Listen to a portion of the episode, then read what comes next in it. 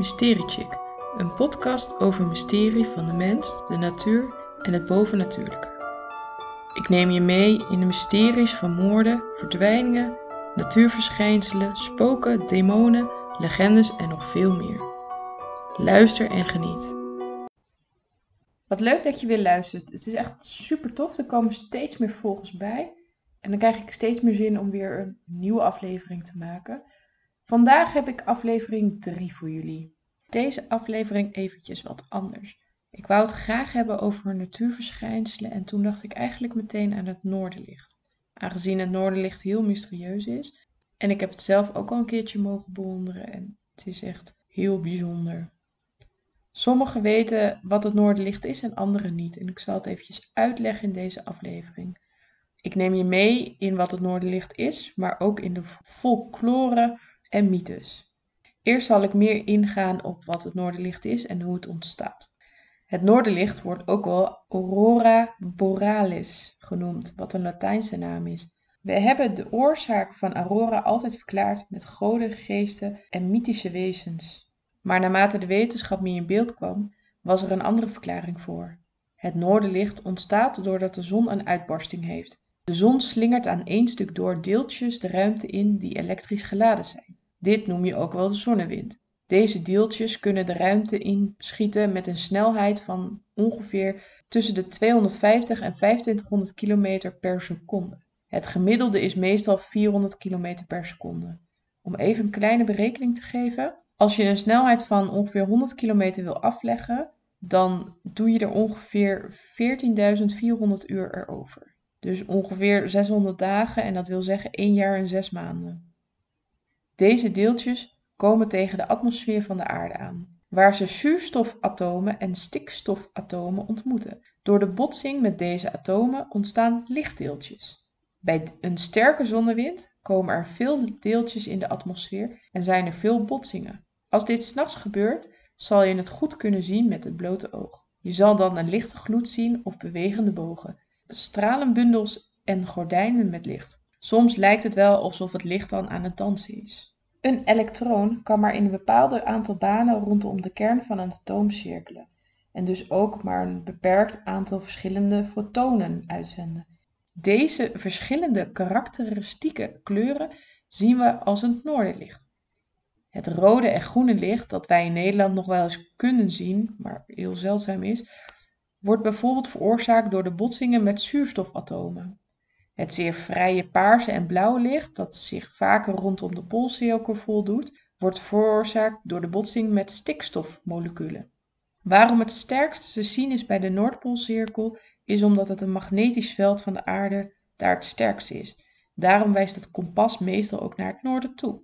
Waar en wanneer je een noorderlicht kan zien, is niet te voorspellen. Je kan wel zeggen dat het noorderlicht zich een beetje als een soort van ja, diva gedraagt en komt alleen tevoorschijn wanneer het ook tevoorschijn wil komen. Je hebt wel de meeste kans in de late herfst tijdens de winter en de vroege lente, ongeveer van september tot en met maart. En dan meestal tussen 6 uur s avonds en 1 uur s'nachts. Maar nogmaals, op andere tijden kan je het ook zien. Ik zelf heb het dan bijvoorbeeld om 2 uur s'nachts gezien.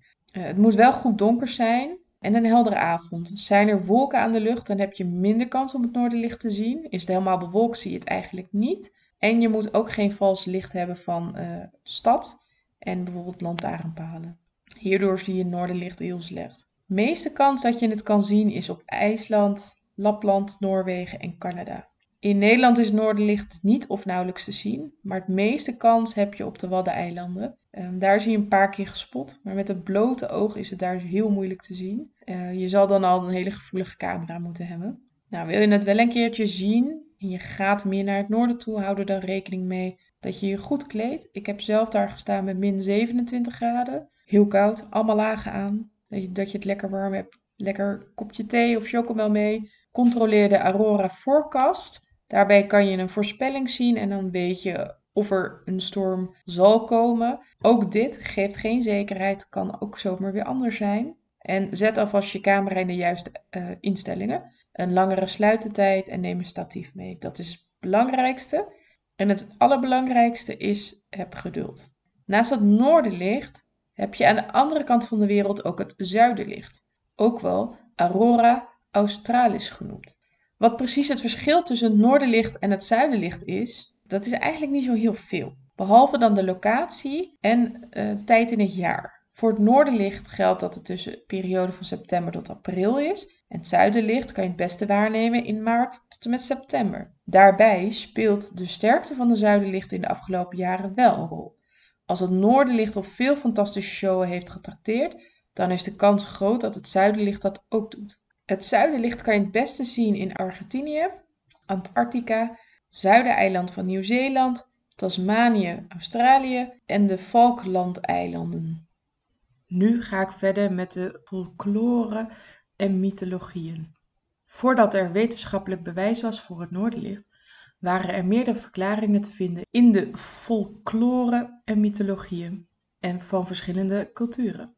Het beeld op leven en dood, het verband met de geestenwereld en de strijd tussen bovennatuurlijke krachten in de hemel zijn daarvan een voorbeeld. Men dacht ook wel dat de verschijningen voor veel mensen angstaanjagend was. Eén legende die de ronde doet is dat de Japanners geloven dat een kind verwekken onder het noorderlicht zorgt voor knappe, slimme en gelukkige baby's. Vrouwen zouden nou ook vruchtbaarder zijn. Het idee dat een mens een kind zou verwekken onder het noorderlicht met min 20 graden Celsius, of misschien eigenlijk nog wel meer, is eigenlijk ook een beetje raar en ook wel grappig. Maar voor de Japanners is deze legende eigenlijk een belediging. Hoewel het noorderlicht in vele culturen geassocieerd wordt met vruchtbaarheid, is de Japanse mythe bedacht door een Canadese filmmaker en is dit dus helaas niet waar. In Noorwegen noemde men het soms bloedlicht, als herinnering aan het geloof dat het uit de vechtende zielen van de dode krijgers bestond en een voorteken was van oorlog en dood. In de Noordse mythologie geloofden de vikingen dat de Walkuren kwamen aanwijzen wie op het slagveld gingen sterven en naar de Walhalla zouden gaan. Odin was de belangrijkste god en heerser van Asgard, vereerd door alle vikingen. Ze geloofden dat hij in het Walhalla woonde, waar hij zich voorbereidde op Ragnar, een reeks gebeurtenissen die het eind van de goden zouden neerslaan en de wereld opnieuw zouden beginnen. In de vikinglegende was Ragnar ook wel voorbestemd en zou Odins grote strijd zijn, dus hij had de dapperste krijgers aan zijn zijde nodig. Tijdens elk gevecht op aarde koos Odin de krijgers die zouden sterven en voegde zich bij hem in het Walhalla. De Valkiers zijn vrouwelijke krijgers te paard. Zij droegen harnassen, speren en schilden. Een legende suggereert dat het noorderlicht afkwam van de reflecties of van het gloed wat er afkwam van de schilden en harnassen van de Valkieren. Deze vrouwelijke krijgers zouden kiezen wie kan sterven in de strijd en wie mocht blijven leven om een andere dag weer te vechten. Er werd ook wel geloofd dat het noorderlicht een brug was. Een gloeiende en pulserende boog die leidde de krijgers naar hun laatste rustplaats in de Walhalla. Deze vlammende driehoekige regenboogbrug verbindt Asgard, het rijk van de goden, en Midgard, het rijk van de mensen, met elkaar. Het Finse woord voor dit natuurverschijnsel is Rivontulet, wat vertaald kan worden als vossenvuur. De naam komt van de vrij mooie mythe dat deze vossen de aurora produceren. Deze vuurvossen renden zo snel door de lucht dat toen hun grote harige staarten tegen de bergen aankwamen, eh, er vonken gecreëerd werden die de hemel verlichten. Een soortgelijke versie van dit verhaal vertelt dat als de vuurvossen liepen, hun staarten de sneeuwvlokken in de lucht veegden en door de glinstering van het maanlicht ontstond er daar het noorderlicht. Over dit verhaal van de vuurvos heb ik nog een filmpje gevonden op visitfinland.com. Deze is in het Engels. Ik ga hem ook nog even online zetten, maar voor nu laat ik hem in ieder geval eventjes horen.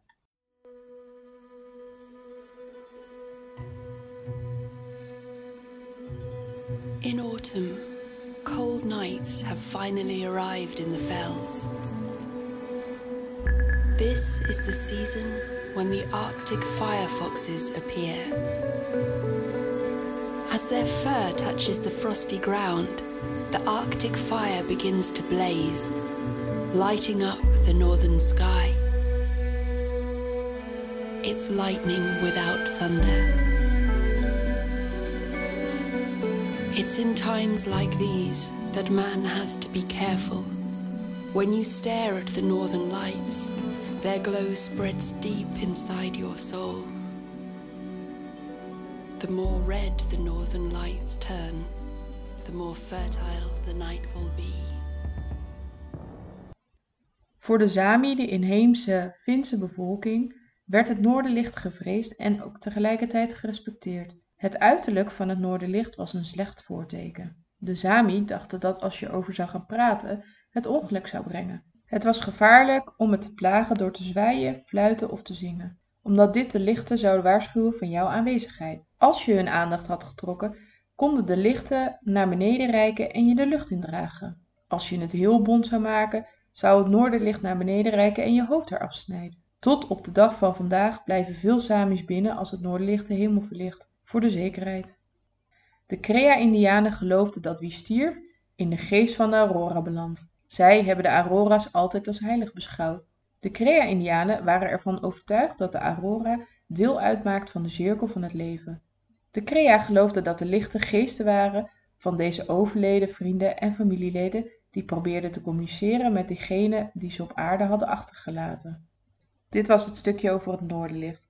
Zelf heb ik twee jaar terug het Noorderlicht ook mogen bewonderen. Daar heb ik dan foto's van, die zal ik uh, later ook even online plaatsen. Ook wil ik het graag met jullie over de Bermuda-driehoek hebben, aangezien hier ook vele mysteries plaatsvinden. De Bermuda-driehoek, ook wel de Duivelsdriehoek genoemd, is een denkbeeldig gebied aan de zuidoostkust van Verenigde Staten.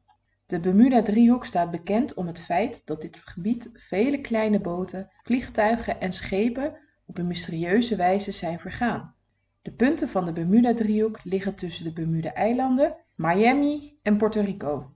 De Bermuda-driehoek wordt voor het eerst vermeld in het logboek van Christopher Columbus. In het logboek beschreef hij zijn reizen door dit gebied terwijl hij een nieuwe handelsweg naar India zocht. De eerste vreemde gebeurtenis die hij opmerkte was dat ze door een zeewierbank vaarden en daar zagen ze vogels, wat wees op de nabijheid van het land. De bemanning was teleurgesteld, want zelfs dagen later was er geen land in zicht. Kort daarna bleek dat de kompas van Columbus zich raar gedroeg en de bemanning zag een dansende licht aan de horizon. Verder werd ook nog vermeld dat Columbus een vuurbol door de lucht zag vliegen. Over de Bermuda-driehoek zijn verschillende theorieën. De ene gaat uit van duistere krachten en de andere denkt weer dat het aliens zijn. Maar er lijken ook weer wetenschappelijke verklaringen te zijn. Ik ga het over deze verschillende theorieën met jullie hebben, zowel de bovennatuurlijke als de wetenschappelijke verklaringen. De meeste overheidsinstanties beweren dat er geen Bermuda-driehoek zou zijn. De aanhangers van deze non-theorie zeggen dat het door de auteurs is opgeblazen tot een fenomeen. Sterker nog, vergeleken bij andere drukke gebieden is de Bermuda-driehoek in feite helemaal niet zo gevaarlijk. Het komt niet eens voor in de top 10 meest riskante oceaanregio's. Er is dus geen noodzaak om dit te verklaren, al dus de overheid. De verklaring waar zij mee komen is dat er vliegtuigen en schepen zijn gezonken door de welbekende en gevreesde monstergolven. Deze golven kunnen ook wel 30 meter hoog worden en zijn kenmerkend voor het gebied, waar ze onverwachts en plots ontstaan. De schepen die verdwenen zijn, zou mogelijk te verwijten zijn aan kraters in het zeebodemgebied. Er zijn namelijk aan de zeebodem een overvloed aan gasbubbels. Ze weten nog niet precies of dit bij de Bermuda-driehoek ook zo is, maar ze gaan er wel een beetje van uit. Zo'n bubbel kan uit zichzelf ontploffen, maar ook door bijvoorbeeld een aardbeving.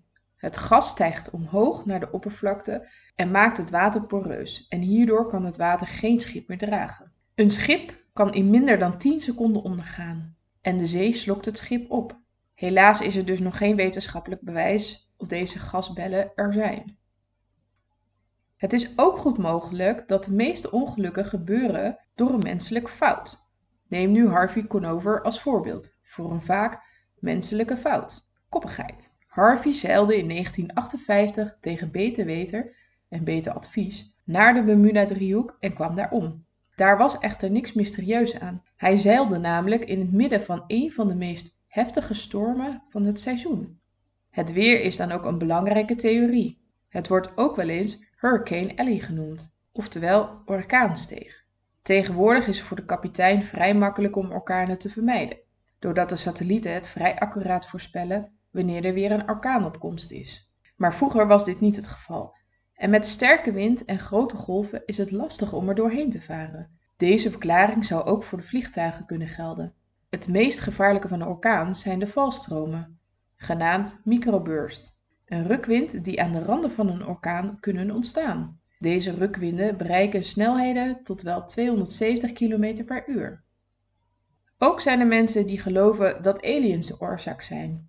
Er zijn al meerdere piloten die een melding hebben gemaakt dat ze wat zagen voorbijvliegen. Maar ze konden het niet verklaren. Het waren geen vliegtuigen, ook geen vogels. Daarom zijn dat dan ook UFO's. Wat best voor de hand liggend kan zijn, is een kompas die niet meewerkt. Kompassen in schepen en vliegtuigen horen naar het noorden te wijzen. Zo blijven ze op de juiste koers varen of vliegen.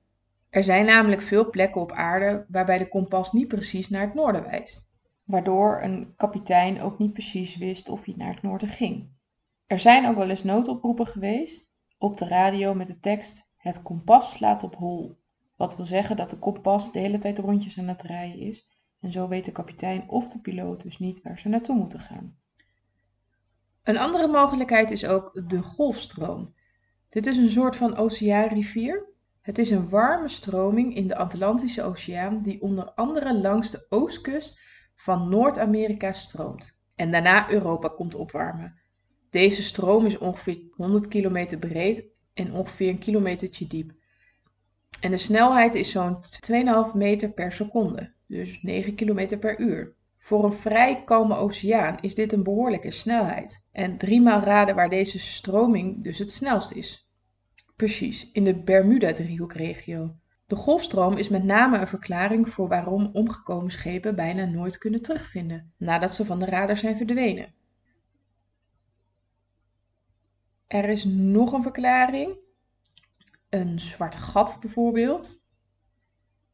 Ook kan je denken aan een zwart gat. Dit zou een reden kunnen zijn dat vliegtuigen en schepen verdwijnen.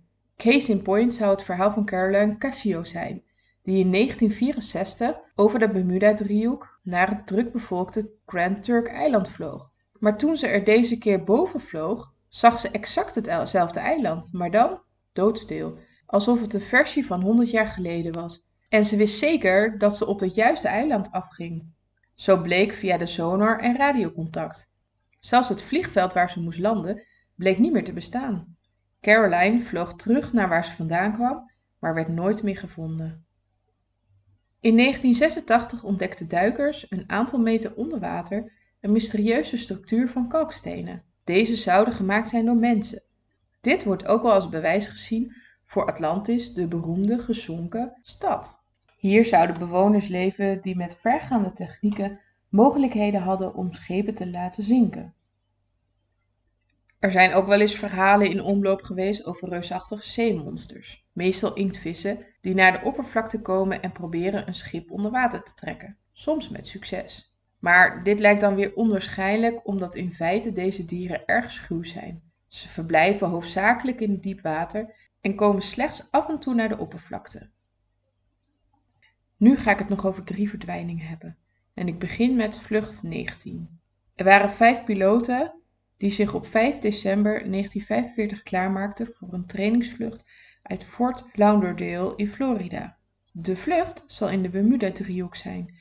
Eerst zullen ze 160 mijl oost vliegen, dan gaan ze 40 mijl noord, voor ze noordoost terug naar de basis vliegen, legde de commandant uit. Het was een routinevlucht op een normale dag en het zou ongeveer twee uur duren. De piloten hadden ervaring en hadden ook veel simulatorvluchten gedaan. Ieder vliegtuig had een reddingsboot en reddingsvesten, voor het geval dat ze op het water moesten landen. De radio en navigatie was toen die tijd de beste die er was. Net na twee uur s middags waren ze vertrokken, op een missie die dus twee uur zou duren. Om kwart voor vier vroeg de commandant om hun positie te checken. Een van de piloten zei: Ik ben niet zeker van onze positie en ik kan ook geen land zien. Het grondstation had geen radar, dus ze konden ook niks doen voor de piloten. Toen kwam het laatste bericht van de piloot. Ik ben nog steeds niet zeker waar we zijn, maar ik denk dat we 225 mijl noordoosten van de basis zitten. Na dat bericht was er alleen maar stilte. Na een lange radiostilte keerde geen enkele van de vijf vliegtuigen terug. De commandant organiseerde een zoek- en reddingsactie met een boot met overlevingsapparatuur, een zogenaamde flying boat. Na een tijdje kwam er ook geen bericht meer van deze flying boat. Deze was ook spoorloos verdwenen. Na vlucht 19 begonnen talloze theorieën over de Bermuda-driehoek op te borrelen. Elk ongeval in de driehoek werd uitvergroot, waardoor het mysterie alleen maar grotere proporties begon aan te nemen. Maar ook vlucht 19 is te verklaren. Ten eerste was het al slecht weer. De golven waren toen 15 meter hoog. Bovendien was luitenant Charles Taylor de enige ervaren piloot in het team. Mogelijk was piloot Charles Taylor de leider van het team en de schuldige. Hij had een kater en hij was vertrokken zonder horloge. Hij was in zijn carrière al twee keer verkeerd gevlogen. Uit radiotranscripties blijkt dat vlucht 19 de coördinator kwijt was voor de verdwijning. Volgens de transcripties dacht luitenant Taylor dat zijn kompas stuk was en dat hij zich boven Florida Keys bevond. Maar uit latere analyse bleek dat ze boven de Bahama's vlogen. Luitenant Taylor zou ook een piloot hebben overruled die het wel bij het rechte eind had. De vliegtuigen trokken zo ver de Atlantische Oceaan in dat ze waarschijnlijk geen brandstof hadden meer om terug te komen. En hier is het ook veel moeilijker om de lichamen of gezonken toestellen terug te vinden. Een van de bekendste vliegtuigen die vermist raakte was die van Emily Earhart. Earhart werd geboren als dochter van de jurist Edward Earhart en Emily Otis. Als kind was Emily een toyboy. Ze klom in bomen en joeg met een geweer op ratten. Ook verzamelde ze krantenartikelen over vrouwen in mannenberoepen. In 1920 mocht ze voor het eerst meevliegen in een vliegtuig. Vanaf dat moment wilde ze nog maar één ding: zelf vliegen. Earhart was de eerste vrouw die solo de Atlantische Oceaan overvloog en bovendien de eerste persoon die een solovlucht maakte over de Stille Oceaan. In 1937 wilde zij een nieuwe mijlpaal bereiken door de eerste vrouw rond de wereld te vliegen. Op 2 juli 1937 steeg ze samen met Fred Noonan, die haar navigator was, op op weg te gaan naar Howland Island. Uit onderzoek blijkt dat Earhart na het passeren van de Nakumana-eilanden van haar koers is afgeweken en zonder het te beseffen naar een punt op 160 kilometer ten noord-noordwesten van Howland vloog. Onderzoekers veronderstellen dat het toestel door brandstofgebrek in de zee is gestort. Er volgde een zoekactie die de VS 4 miljoen dollar kostte. Toen de tijd enorm veel geld. Vind ik het alsnog heel veel geld hoor. Maar het leverde niks op. Dan heb je nog de USS Cyclops. Die vertrok in februari 1918 vanuit Rio de Janeiro naar Barbados. Daar kwam de boot begin maart aan. Niet lang daarna voer de USS Cyclops weer uit, waarna nooit meer een spoor van de boot of van de meer dan 300 passagiers gevonden werd. Het schip had mangaanertsen mee, deze werden gebruikt om munitie te produceren. Er werd gedacht dat het schip overbelast was met 10.000 ton mangaanertsen, terwijl de maximale capaciteit 8 ton was. Uit rapporten blijkt dat er een gewelddadige storm overtrok op het gebied waar ze vaarden. Er is een grote zoektocht naar de USS Cyclops opgezet, want ze waren heel erg bang dat het schip in de verkeerde handen zou vallen, aangezien je met de mangaanerts munitie kon maken. Maar ze vonden niks, geen schip, geen mens, geen spoor van de USS Cyclops. De onderzoekers hebben enkele indoor simulators gebruikt om monstergolven te creëren. Ze testen dit op een simulatie van het eerste slachtoffer van de driehoek, de USS Cyclops. Binnen enkele minuten werd het schip opgeslokt door het water. In de afgelopen 100 jaar zijn er in dit gebied meer dan 50 boten en schepen en 20 vliegtuigen verdwenen. Deze zijn allemaal verdwenen zonder een spoor na te laten. Het zal altijd een mysterie blijven. Dit was het dan weer voor deze aflevering. Vergeet me niet te volgen op Instagram en Facebook Mystery Chick Podcast. Mocht je nog een leuk onderwerp hebben, laat het me dan eventjes weten. Dan ga ik even kijken of ik er een aflevering van kan maken. Je kan me dan mailen naar mysterychickpodcast.gmail.com of even een eh, berichtje sturen via Instagram of Facebook. Nou, dit was het dus en de volgende keer weer een nieuwe mysterie bij Mystery Chick Podcast. En ik hoop dat je het weer leuk vond en dat je de volgende keer weer komt luisteren.